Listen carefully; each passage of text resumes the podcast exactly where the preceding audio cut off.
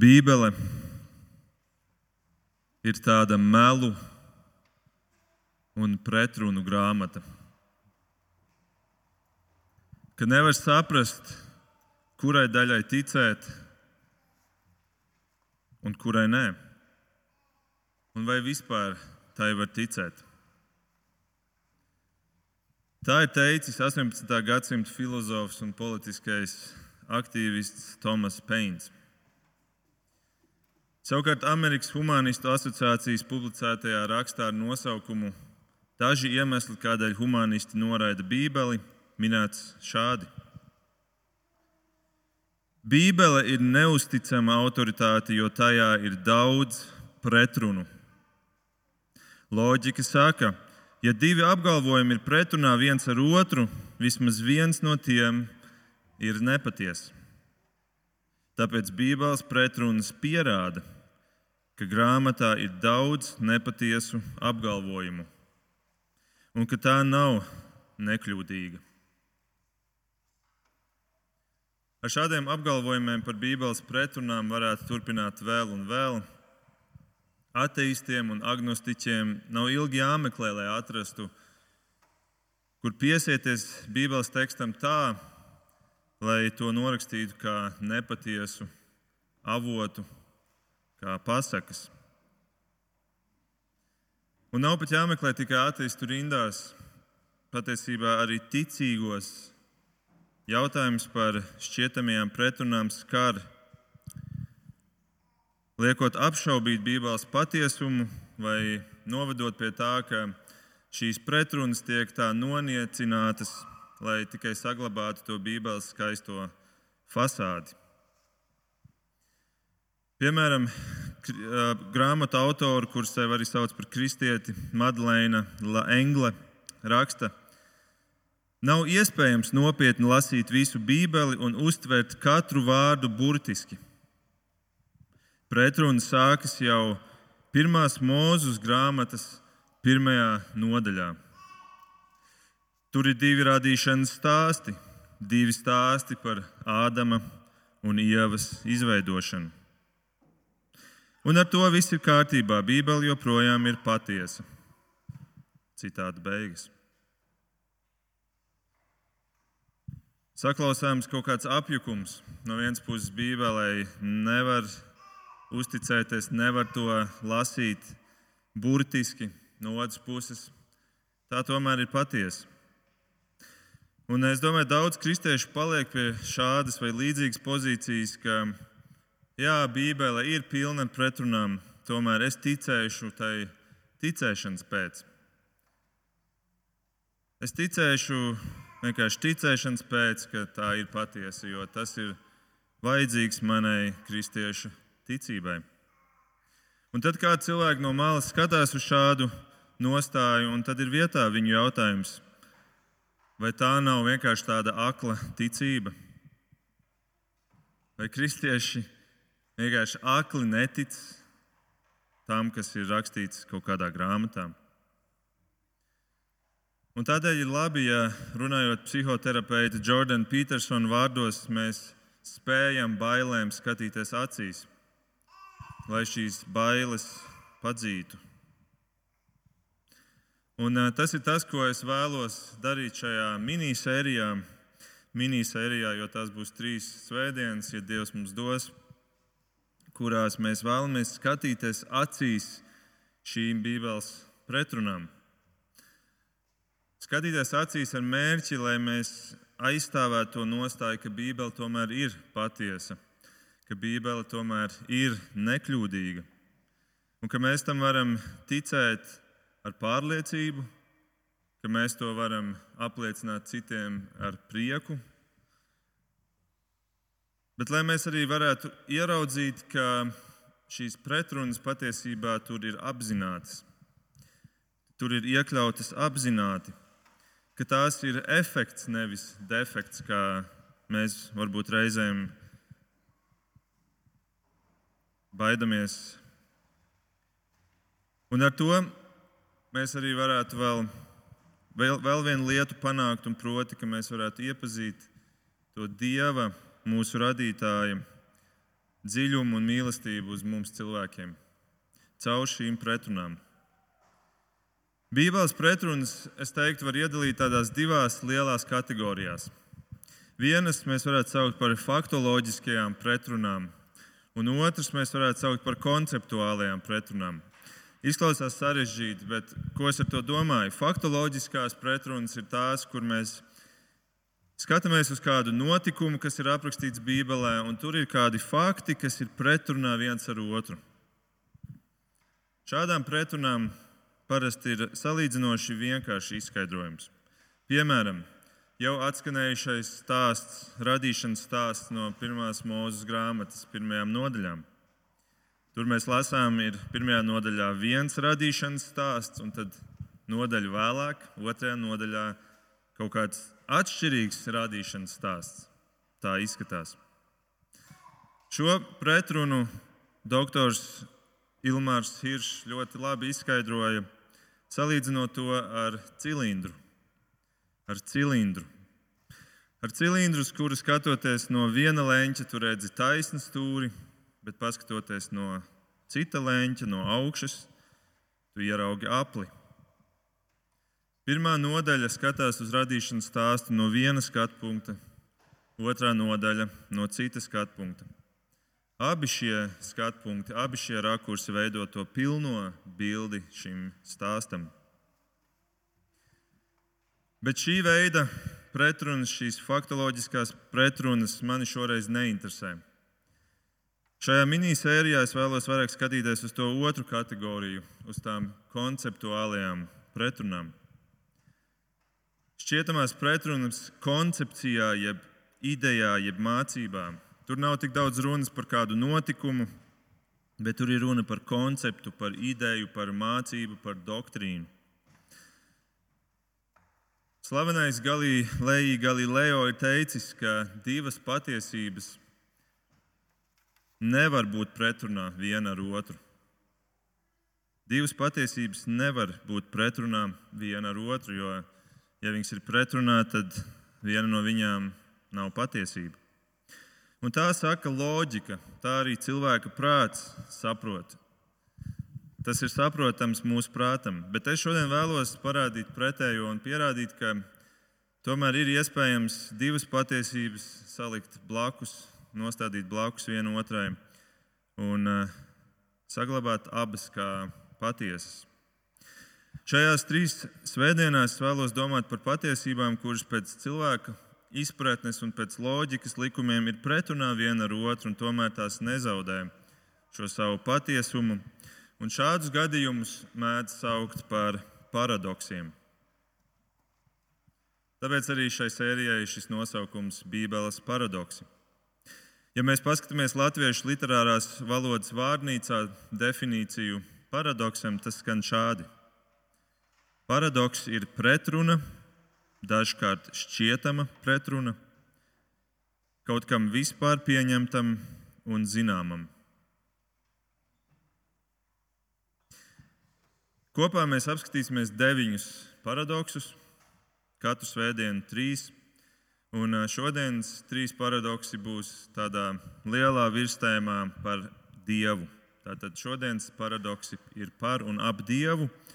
Nākamajā svētdienā mēs paskatīsimies uz kristieti, tātad par un ap kristiešu dzīvi, un tad trešajā svētdienā par glābšanas jautājumu. Nu tā, tā nu pirmais paradoks par arī numur viens tēmu kristietībā. Numur viens tēma kristietībā ir Kristus. Tāpēc mēs saucam kristietību pēc viņa titula Kristus. Tātad numur viens paradoks šodien mums būs Jēzus. Jēzus, jā, ekrānā arī ir redzams. Jēzus ne tikai ateistu un agnostiķu un pat daudzu citu reliģiju pārstāvju vidū ir raisījusi, uh, raisījis daudz diskusiju. Bet patiesībā arī pašu kristiešu vidū tēma par Jēzu ir, ir diezgan daudz jautājumu un eh, diskusiju raisījusi. Un, un iemesls ir tas, ka Bībele par Jēzu runā paradoxālā valodā. Jēzus tiek aprakstīts paradoxālā veidā Bībelē, kura mums šeit ir atvērta. No vienas puses, Bībele ļoti skaidri apgalvo, ka Jēzus ir Dievs. Ka Jēzus ir Dievs. Piemēram, 1. Jāņa vēstulē, 5. nodaļā, Jānis raksta, bet mēs zinām, ka Dieva dēls ir nācis un devis mums saprāšanu, kā atzīstam patieso. Un mēs arī esam patiesajā viņa dēlā, Jēzu Kristu. Šis ir patiesais Dievs un mūžīgā dzīvība. Šos vārdus raksta Jēzus māceklis, kurš ir bijis kopā ar Jēzu, redzējis, pieskāries viņam, dzirdējis viņu. Tas ir viņa, tā ir viņa liecība par Jēzu Kristu. To pašu apgalvo arī vēl viens no Jēzus mācekļiem, tas, kur mēs mēdzam saukt par galveno no mācekļu komandas Pēteri. Viņš savā otrajā vēstulē iepazīstina ar sevi, rakstot šādus vārdus: Sīmans Pēters, Jēzus Kristus kalps un apustulis. Tiem, kas mūsu dieva un glābēja Jēzus Kristus un tā tālāk. Tātad viņš šeit arī skaidri pasaka, ka Jēzus ir Dievs. Jēzus ir Dievs. Un arī Jēzus pats par sevi saka, ka viņš ir Dievs. Piemēram, Jāņa evanģēlī 10. nodaļā, 30. pantā. Viņš saka, es un tēvs, un runa ir par debesu tēvu, par dievu tēvu. Es un tēvs, mēs esam viens. Tātad, ja Tēvs ir Dievs un Jēzus ir viens ar Tēvu, jeb Dievu, tad Jēzus ir Dievs. Un mums, kā kristiešiem, tas jau ir arī galvenais iemesls, kāpēc mēs vispār esam kristieši? Kāpēc mēs ticam Jēzum.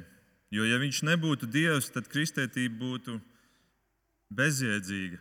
Tā būtu vienkārši viena no ideoloģijām, viena no reliģijām, Bet tieši tajā, ka Jēzus ir Dievs, ir sakņota mūsu ticība viņam. Un tāpēc šai daļai mums nav grūti ticēt, ja mēs esam kristieši. Nu, visi kristieši tic, ka Jēzus ir Dievs.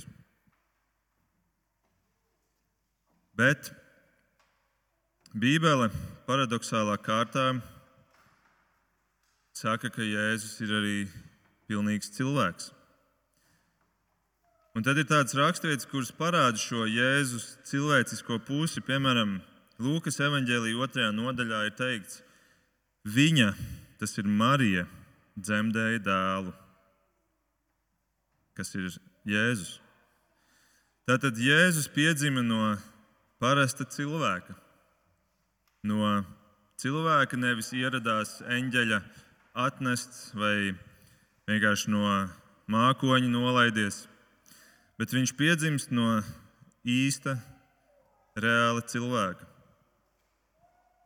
Vai Dievs var piedzimt no cilvēka, vai radītājs var rasties no radījuma? Mateja evanģēlī 4. nodaļā ir rakstīts, tad gars aizveda Jēzu tuksnesī, ka viņš tiktu vēlna kārdināts. Tātad Jēzus tika kārdināts ar cilvēciskiem kārdinājumiem. Tur bija runa par maizi, par slavu, par varu. Vai Dievs spēja grēkot un līdz ar to ir kārdināms? Mateja evanģēlijas 16. nodaļā ir teikts, ka no tā laika Jēzus sāka saviem mācekļiem atklāti teikt, ka viņam būs jāiet uz Jeruzalem un būs daudz jācieš no vecajiem virspriesteriem un rakstu mācītājiem. Jēzum būs jācieš. Jēzus cieta tātad tāpat kā cilvēki cieš, kā tu un es, kā mēs ciešam. Bet jautājums, vai vispēcīgs Dievs spēj ciest? Mateja evanģēlī 21. nodaļā ir teikts, ka rīta agrumā ejot uz pilsētu, Jēzus sajūta izsalkumu.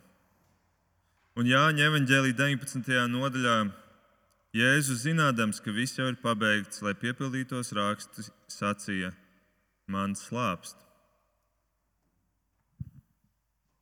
Jēzum slāpa un salka tā kā tev un man katru rītu.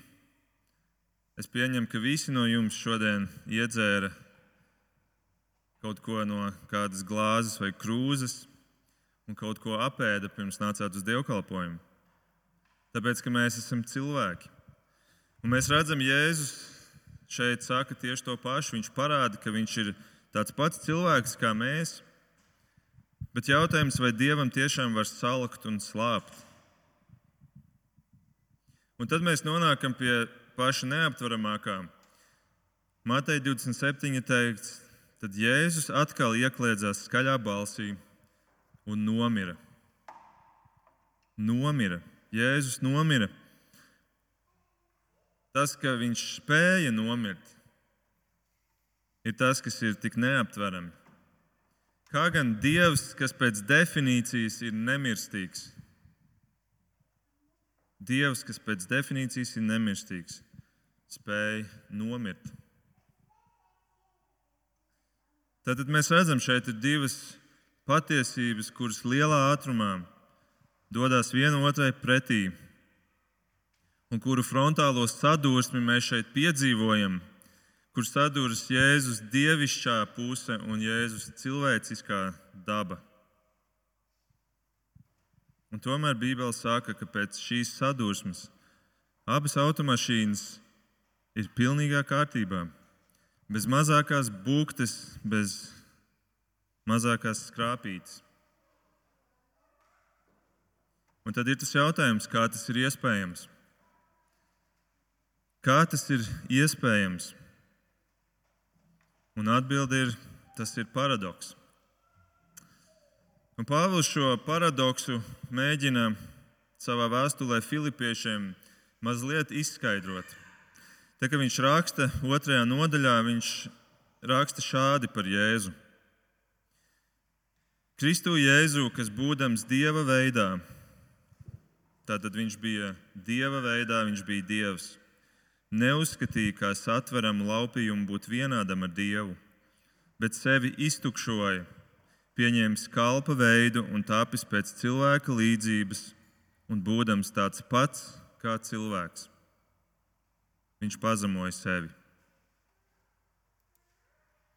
Šis ir tāds teksts, kurā vienā teikumā vai dažos teikumos ir ietvērtas šīs abas puses ļoti konkrētā veidā, kur mēs redzam šīs abas dabas, Jēzus kā Dievs, bet Jēzus arī kā cilvēks. Un Pāvils saka, ka Jēzus bija gatavs sevi iztukšot, lai kļūtu cilvēks. Un tomēr, tā, kad viņš kļuva cilvēks, viņš nepazaudēja savu simtprocentīgo dieva statusu. Viņš joprojām bija pilnīgs dievs tajā brīdī, kad viņš iztukšoja sevi un kļuva par cilvēku. Un tas lielais paradoks ir tas, ka Jēzus vienlaikus bija abi. Varbūt mēs vēl saprastu, ka viņš bija Dievs, un tad viņš nomainīja savu statusu un kļuva par cilvēku. Bet Bībele skaidri parāda, ka viņš bija vienlaikus abi - simtprocentīgi dievs un simtprocentīgi cilvēks. Tad šeit mums ir divas reizes pa simt procentiem, kas kopā veido neiespējamos 200 procentus. Tie nav iespējami, un tomēr Tas ir tas, ko Bībele mums māca. Un šos 200%, kurus tu vari vienā rokā ielikt, to vienu pusi, un otrā rokā tos otrs 100%, es aicinu, ka jūs varētu paņemt līdzi kā tādu vadlīniju visiem tālākiem šīs sērijas paradoksiem, kur jūs varēsiet abās pusēs turēt šīs 100% patiesības rokā un uh, tomēr viņas turēt blakus viena otrai un ticēt abām šīm pusēm. Jo tas ir tas, ko Bībele māca. Mēs nemēģinām viņus apvienot kopā, mēs nemēģinām šīs divas rokas paņemt un savienot kaut kā tā kopā, ka ka mēs tiekam pie vieniem simt procentiem. Nē, mēs atstājam, ka katra no šīm pusēm pati par sevi ir pilnīga un patiesa. Ja mēs mēģinām viņus apvienot, tad mēs salaužam šīs patiesības. Tas ir tas, ko agrīnie teologi mēģināja darīt, kad viņi kļūdīgi mēģināja izskaidrot, ka Jēzus bija pa pusē dievs un pa pusē cilvēks. Varbūt tas šobrīd skan diezgan teoloģiski, ko es jums stāstu, un varbūt tas ir tā, nu, nezinu, varbūt sausi kādam šķiet, bet šis ir ļoti svarīgi, ka mēs Jau sākot ar Jēzus personu, kas ir tāda ļoti vienkārša patiesībā forma saprast šīs divas dabas, ka mēs to ieraugam, šo, šo svarīgo atziņu, ka mums ir abas šīs puses jāpatur sveikas un veselas, nevis mēģināt tās apvienot. Agrīnie teologi apvienoja, mēģināja apvienot, izskaidrot, ka Jēzus bija pa pusē dievs un pa pusē cilvēks. Bet kas ir 50% dievs? Tas vairs nav dievs. Kas ir 50% cilvēks? Tas nav cilvēks. Neviens no jums šodien šeit klātesošajiem neesat 50% cilvēks. Jūs visi esat pilnīgs cilvēks, simtprocentīgi cilvēks, jo tikai simtprocentīgs cilvēks spēja būt dzīves cilvēks. Un tā nu mēs redzam šajā pirmajā paradoksā, ka Jēzus ir vienlaikus simtprocentīgi dievs un simtprocentīgi cilvēks. Tā nav Bībeles kļūda šādi apgalvot, bet tas ir Bībeles paradoks. Un teoloģijā šīs divas apvienotās dabas Kristus sauc par hipostātisko vienību, ka viņā ir šī vienība starp šīm abām dabām Un ka šī vienība starp šīm abām dabām Kristū bija ļoti svarīga un ļoti fundamentāla, lai mēs šodien vispār būtu šeit kā kristieši un ticētu viņam. Jo tikai ar šīm abām vienlaicīgajām dabām viņš varēja piepildīt to misiju, kuras dēļ viņa tēvs sūtīja viņu šeit pie mums uz zemi. Viņam bija jābūt pilnīgam dievam, lai viņš nepārkāptu nevienu likumu, lai viņš būtu pilnīgi bezgrēcīgs.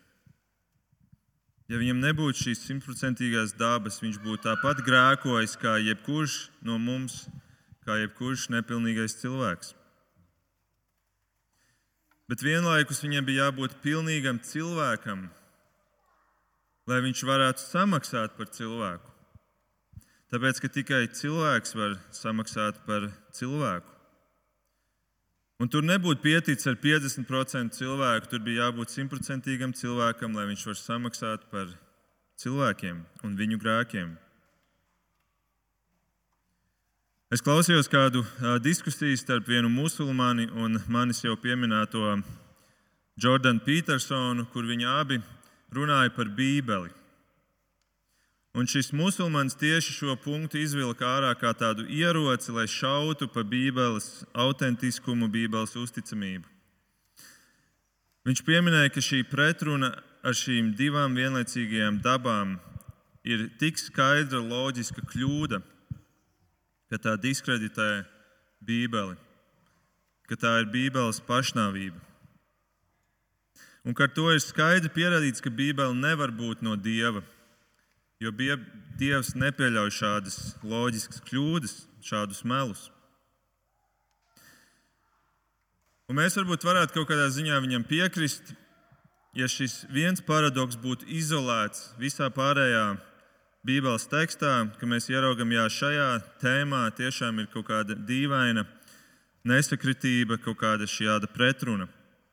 Ja tikai šajā vienā mācībā par Jēzus personu būtu šāds paradoks, Bet, kā skotu teologs Džons Mūrijs ir teicis, katrā lielajā svēto rakstu doktrīnā tu atradīsi šķietamus paradoksus.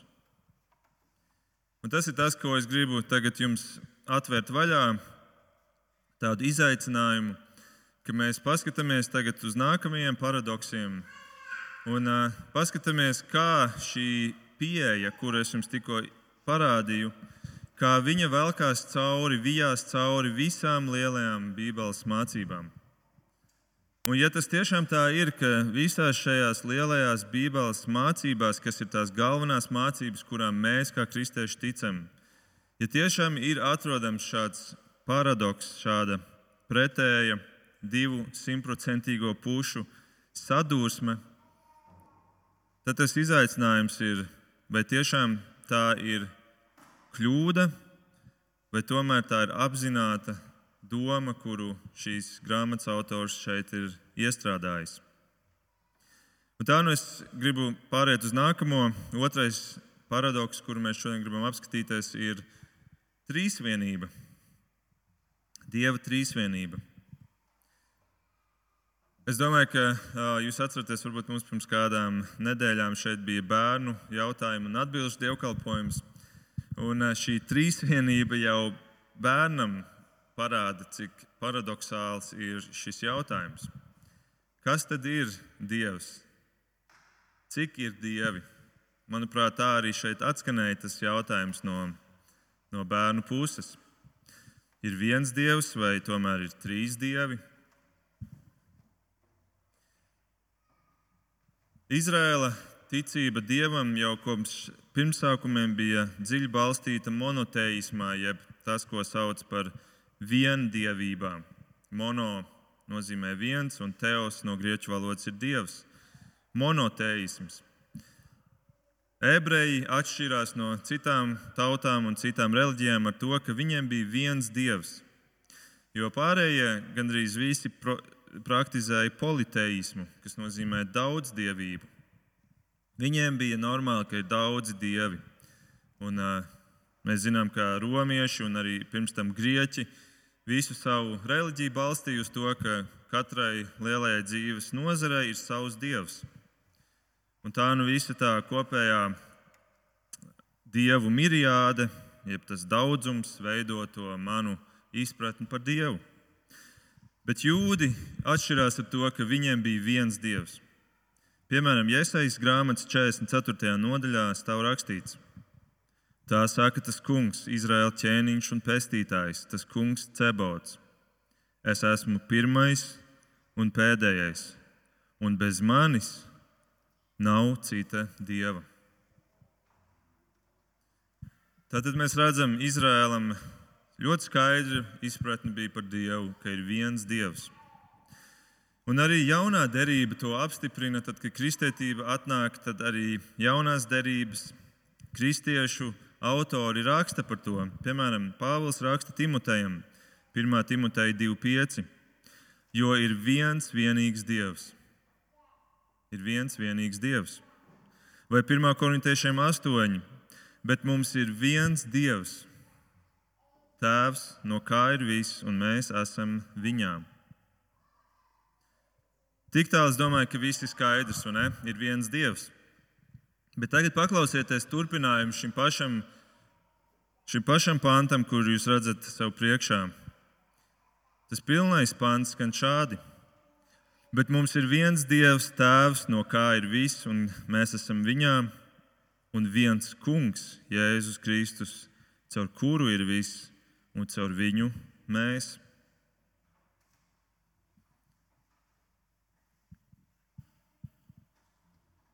Redzot šo pāntu, jautājums ir, tad Jēzus tomēr šeit ir atšķirīgs no tēva. Jēzus ir kaut kas atšķirīgs no tēva. Bet atcerieties, mēs iepriekš lasījām, Jēzus teica, es un tēvs, mēs esam viens. Tad Jēzus tomēr ir viens ar tēvu, vai viņš ir atšķirīgs no tēva?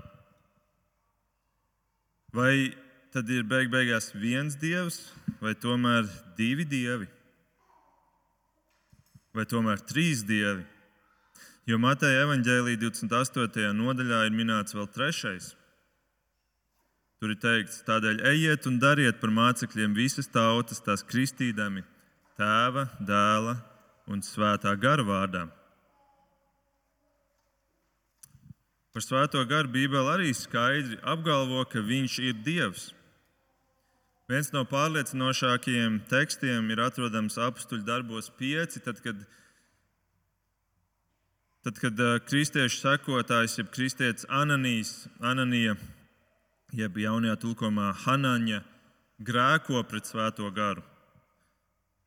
Tur ir tāds notikums lasāms. Tad Pēters sacīja, Hanaņa, kādēļ Sātans ir piepildījis tavu sirdi, ka tu meloji svētajam garam un piesavinājies daļu no zemes gabala vērtības? Vai gan tas nebija tavs, pirms tu to pārdevi, un kad tu to pārdevi, vai nauda nepalika tavā ziņā? Kā gan tu ieņēmi sirdī tādu nelietību? Tu neesi melojis cilvēkiem, bet dievam. Redziet, tātad šeit melošana svētiem garam tiek pielīdzināta melošanai dievam.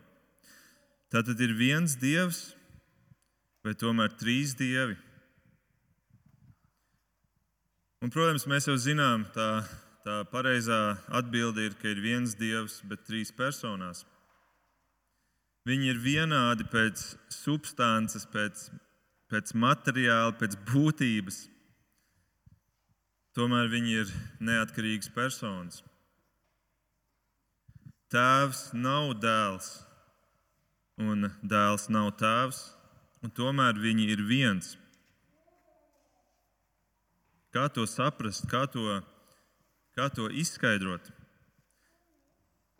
Un te mēs atkal redzam to pašu principu.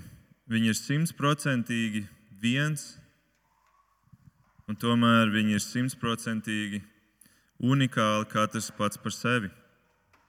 Kā tas iet kopā? Mūsu prātā tas neiet kopā, un tomēr tā ir patiesība. Tas ir paradoks. Un šajā pašā intervijā, par kuru es jau minēju, kurš šis musulmanis uzbrūk Bībeles autoritātei, viņš patiesībā arī šo tēmu izvelk ārā no, no, savas, no saviem krājumiem un mēģina tagad pa to šaut. Un viņš izcēla šo trīsvienības ideju kā milzīgu problēmu tieši kristietībā. Viņa prāt, nav iespējams, ka Dievs var eksistēt trīs personās, jo tas neizbēgami beigtos pie konflikta, pie skaudības un pie šķelšanās. Trīs kapteiņi pie viena kuģa stūres, tas būtu murgs trīs pavāri vienā virtuvē būtu murgs. Trīs personas vienā dievā tas būtu murgs.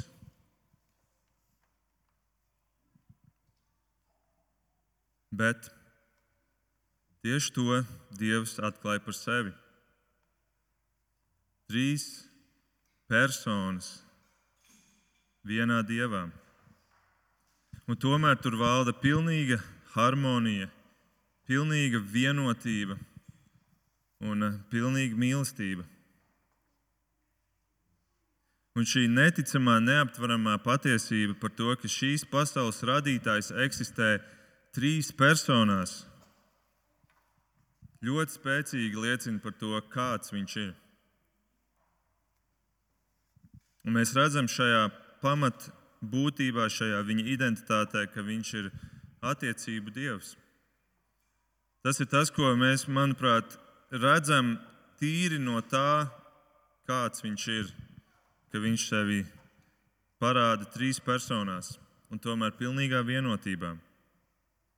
Viņš ar to atklāja, ka viņš ir attiecību dievs.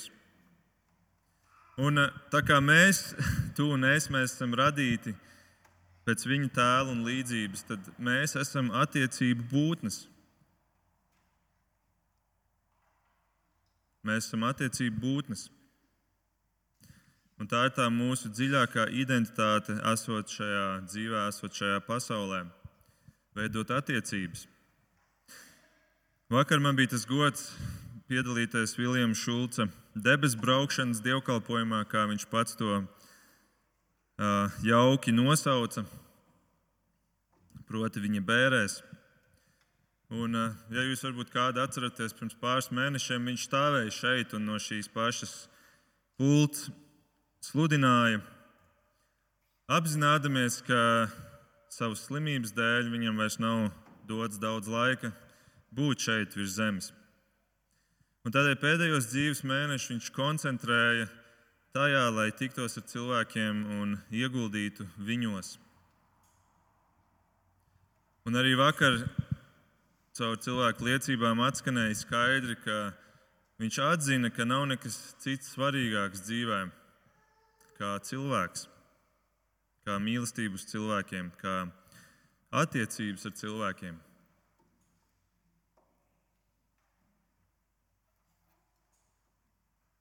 Un eh, caur to vakar bija skaidri redzams un jūtams, un arī tajā, cik daudz cilvēku bija ieradušies uz šīm bērēm, bija skaidri redzams, ka tas ir tā kā tāds atspulgs tam, kāds ir Dievs. Atspulgs, attiecību Dievs. Un šī Dieva trīsvienības iespējams skaistākā puse, tas skaistākais aspekts ir šis daudzskaitlis. Šis daudzskaitlis, ka Dievs nav kaut kāds egoistisks, vienpatis, tirans, par kādu daudzas citas reliģijas tur savu dievu, kurš tur sēž kaut kur augšā un gaida, kad cilvēki ar lielām mocībām uzrāpsies pie viņa un uh, klanīsies viņa priekšā bet kā jau savā dziļākajā būtībā, savā identitātē, kuru viņš atklāja mums cilvēkiem, viņš ir attiecību veidotājs. Viņš ir daudz skaitlis. Un šis daudzskaitlis, šīs attiecības, mēs redzam, ka Dievs jau veido vispirms pats ar sevi, un pēc tam tas izplešās ārā uz attiecībām ar cilvēku. Pirmā mūzes grāmatā pašā radīšanas stāstā Dievs saka, taisīsim cilvēku pēc mūsu tēla, pēc mūsu līdzības. Es nezinu, cik, cik bieži jūs esat šo pamanījuši, domājot par to, kad, eh, kad mēs runājam par to, ka mēs esam veidoti pēc Dieva līdzības. Ka jau šajā pantā ir teikts pēc mūsu tēla, pēc mūsu līdzības. Visas iepriekšējās reizes, kad Dievs kaut ko rada, Viņš saka savā ziņā pasīvā, bezpersoniskā veidā, lai top, lai top, lai top, lai top, lai top.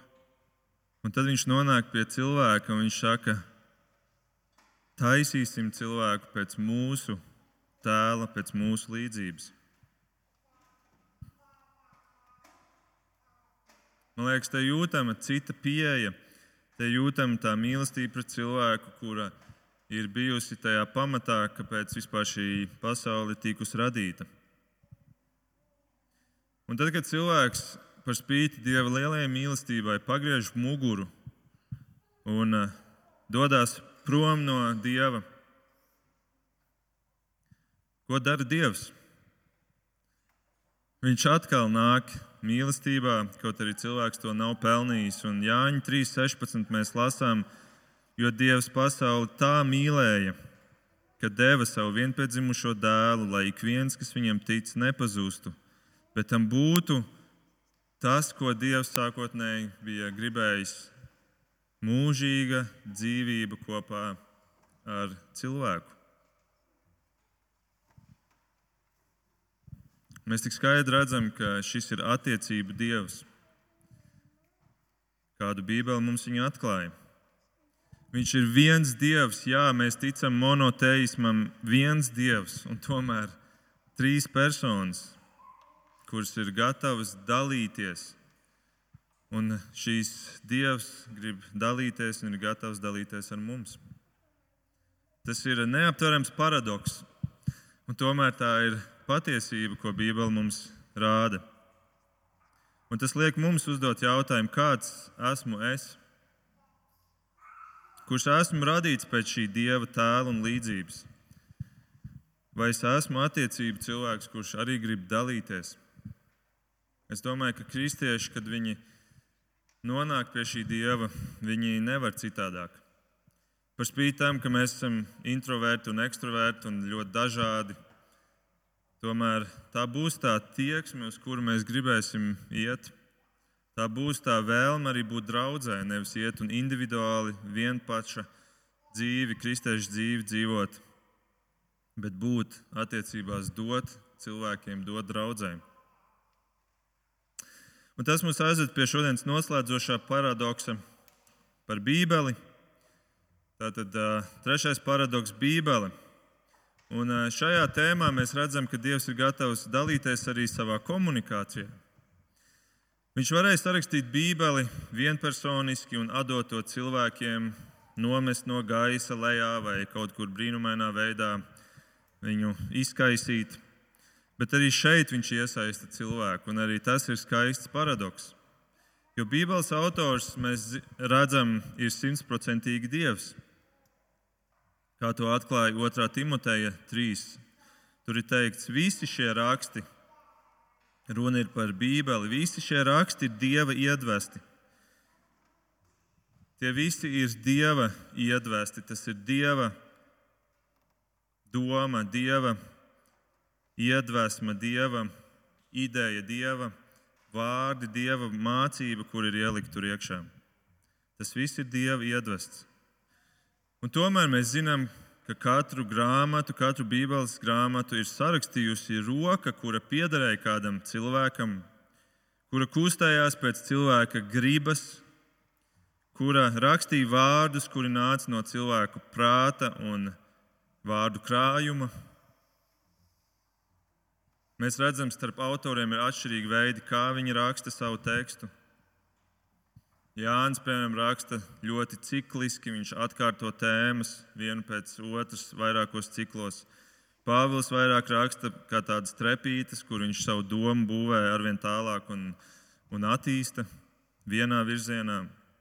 To mēs redzam Bībelē. Un tomēr katrs vārds ir Dieva iedvests.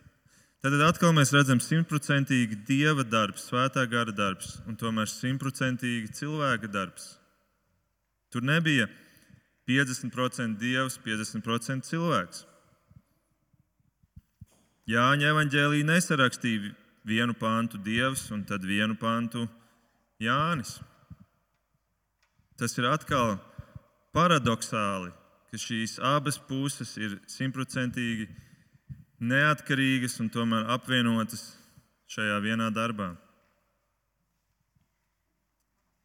Un mēs varam pateikties Dievam, šim pilnīgajam Dievam, ka Viņš iesaista nepilnīgus cilvēkus, lai radītu pirmo grāmatu pasaulē.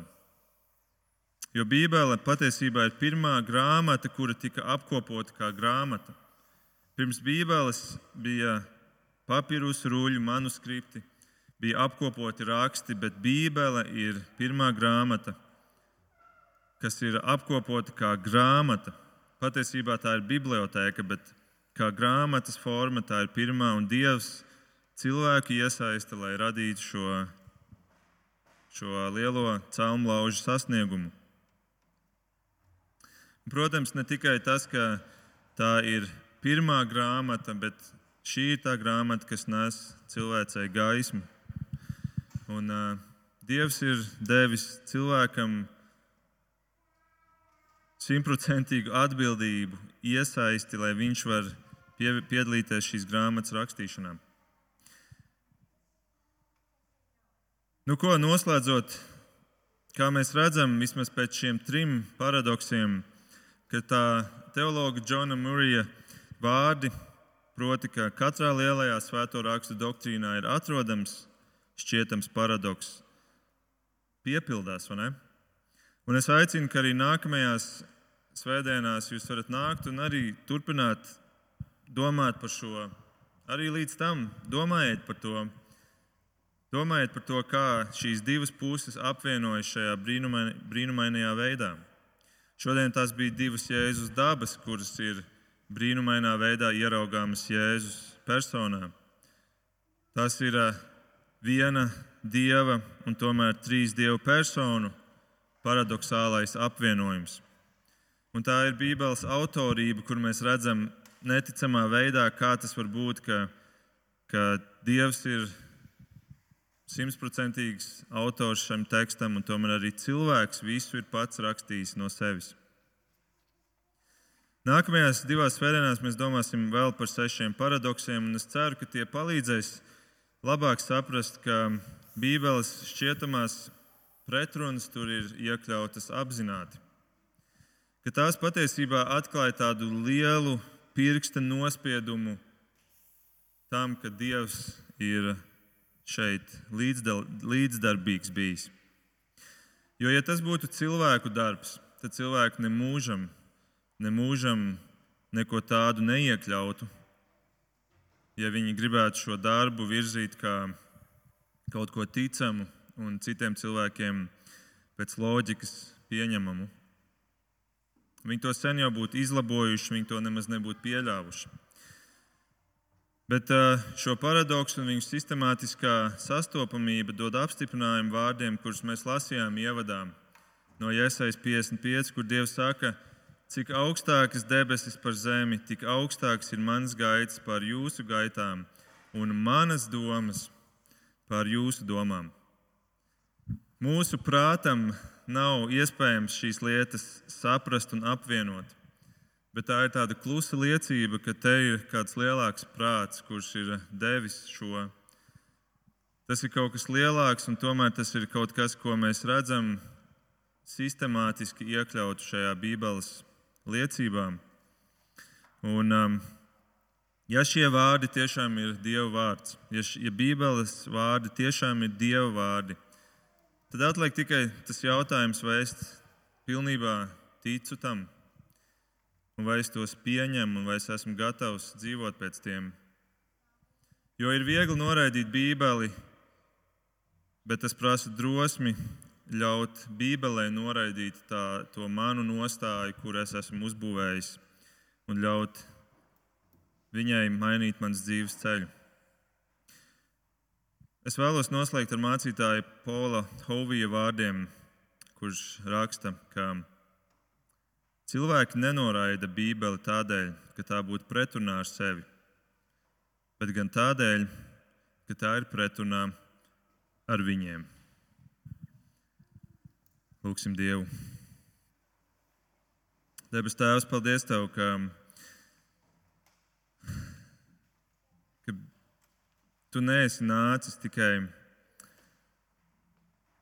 darīt brīnumus emocionāli aizkustināt cilvēkus, bet ka tu arī nāci, lai dotu savu liecību par sevi, kuru mēs varam ar mūsu prātu uztvert,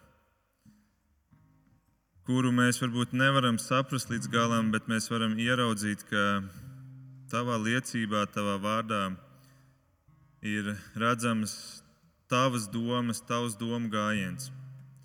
Ka tavs vārds ir kā pirkstu nospiedums tam, ka tu esi attiecību dievs, ka tu esi nācis, lai sasniegtu cilvēku, lai uzrunātu cilvēku. Un, paldies, kungs, ka mēs arī lasot Bībeli, varam ieraudzīt šo, šo pārdabisko arī tik vienkāršā lietā, kā šajā tekstā, tavu pārdabiskumu, tavu, tavas augstās domas, tavu lielo prātu. Un es lūdzu, kungs, ka mēs kā kristieši varam nebaidīties no, no tā, kas varbūt uz pirmo acu skatienu Bībelē šķiet nesaprotams, varbūt pretrunīgs, bet ka mēs gribētu būt labi studenti pie tavām kājām un mācīties no tevis, lai saprastu to, kā tu esi radījis šo pasauli, kā tu esi radījis ticību, kā tu esi radījis šīs mācības, kurām arī mēs varam šodien ticēt.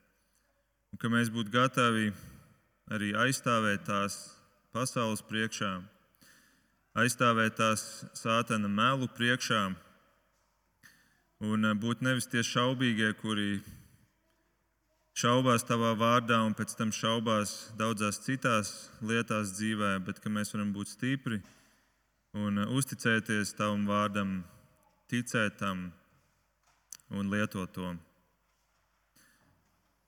Paldies, Tev, debes Tēvs, par Tavu lielo mīlestību. Paldies, ka tu esi attiecību dievs un ka tu mūs esi aicinājis savā trīsvienībā, ka mēs varam būt daļa no tavas, tavas trīsvienības, kurā mēs varam ienākt kā tavu bērni, kungs, kas tas ir kaut kas neaptverams, kaut kas, par ko mēs, es ceru, varam un gribam daudz domāt. Un eh, paldies, Jēzu, ka tu iznāci no šīs trīsvienības, lai nāktu pie mums un lai aicinātu mūs pie sevis. Es lūdzu par katru, kurš tevi vēl nepazīst, kurš savu, varbūt arī prāta barjeru dēļ nespēja pārkāpt pāri, lai nāktu tev pretī. Es lūdzu, kungs, ka tu varētu nojaukt šīs barjeras un ka katrs, kurš šodien dzird šo vārdu, varētu atsaukties tev nožēlot savus grēkus un nākt pie tevis, lai tiktu pārveidots jauns tai dzīvei, kuras dēļ tu mūs katru esi radījis. Tā ir mana lūkšana par mani pašu, par katru no mums šeit. Un to es lūdzu Jēzus vārdā. Amen.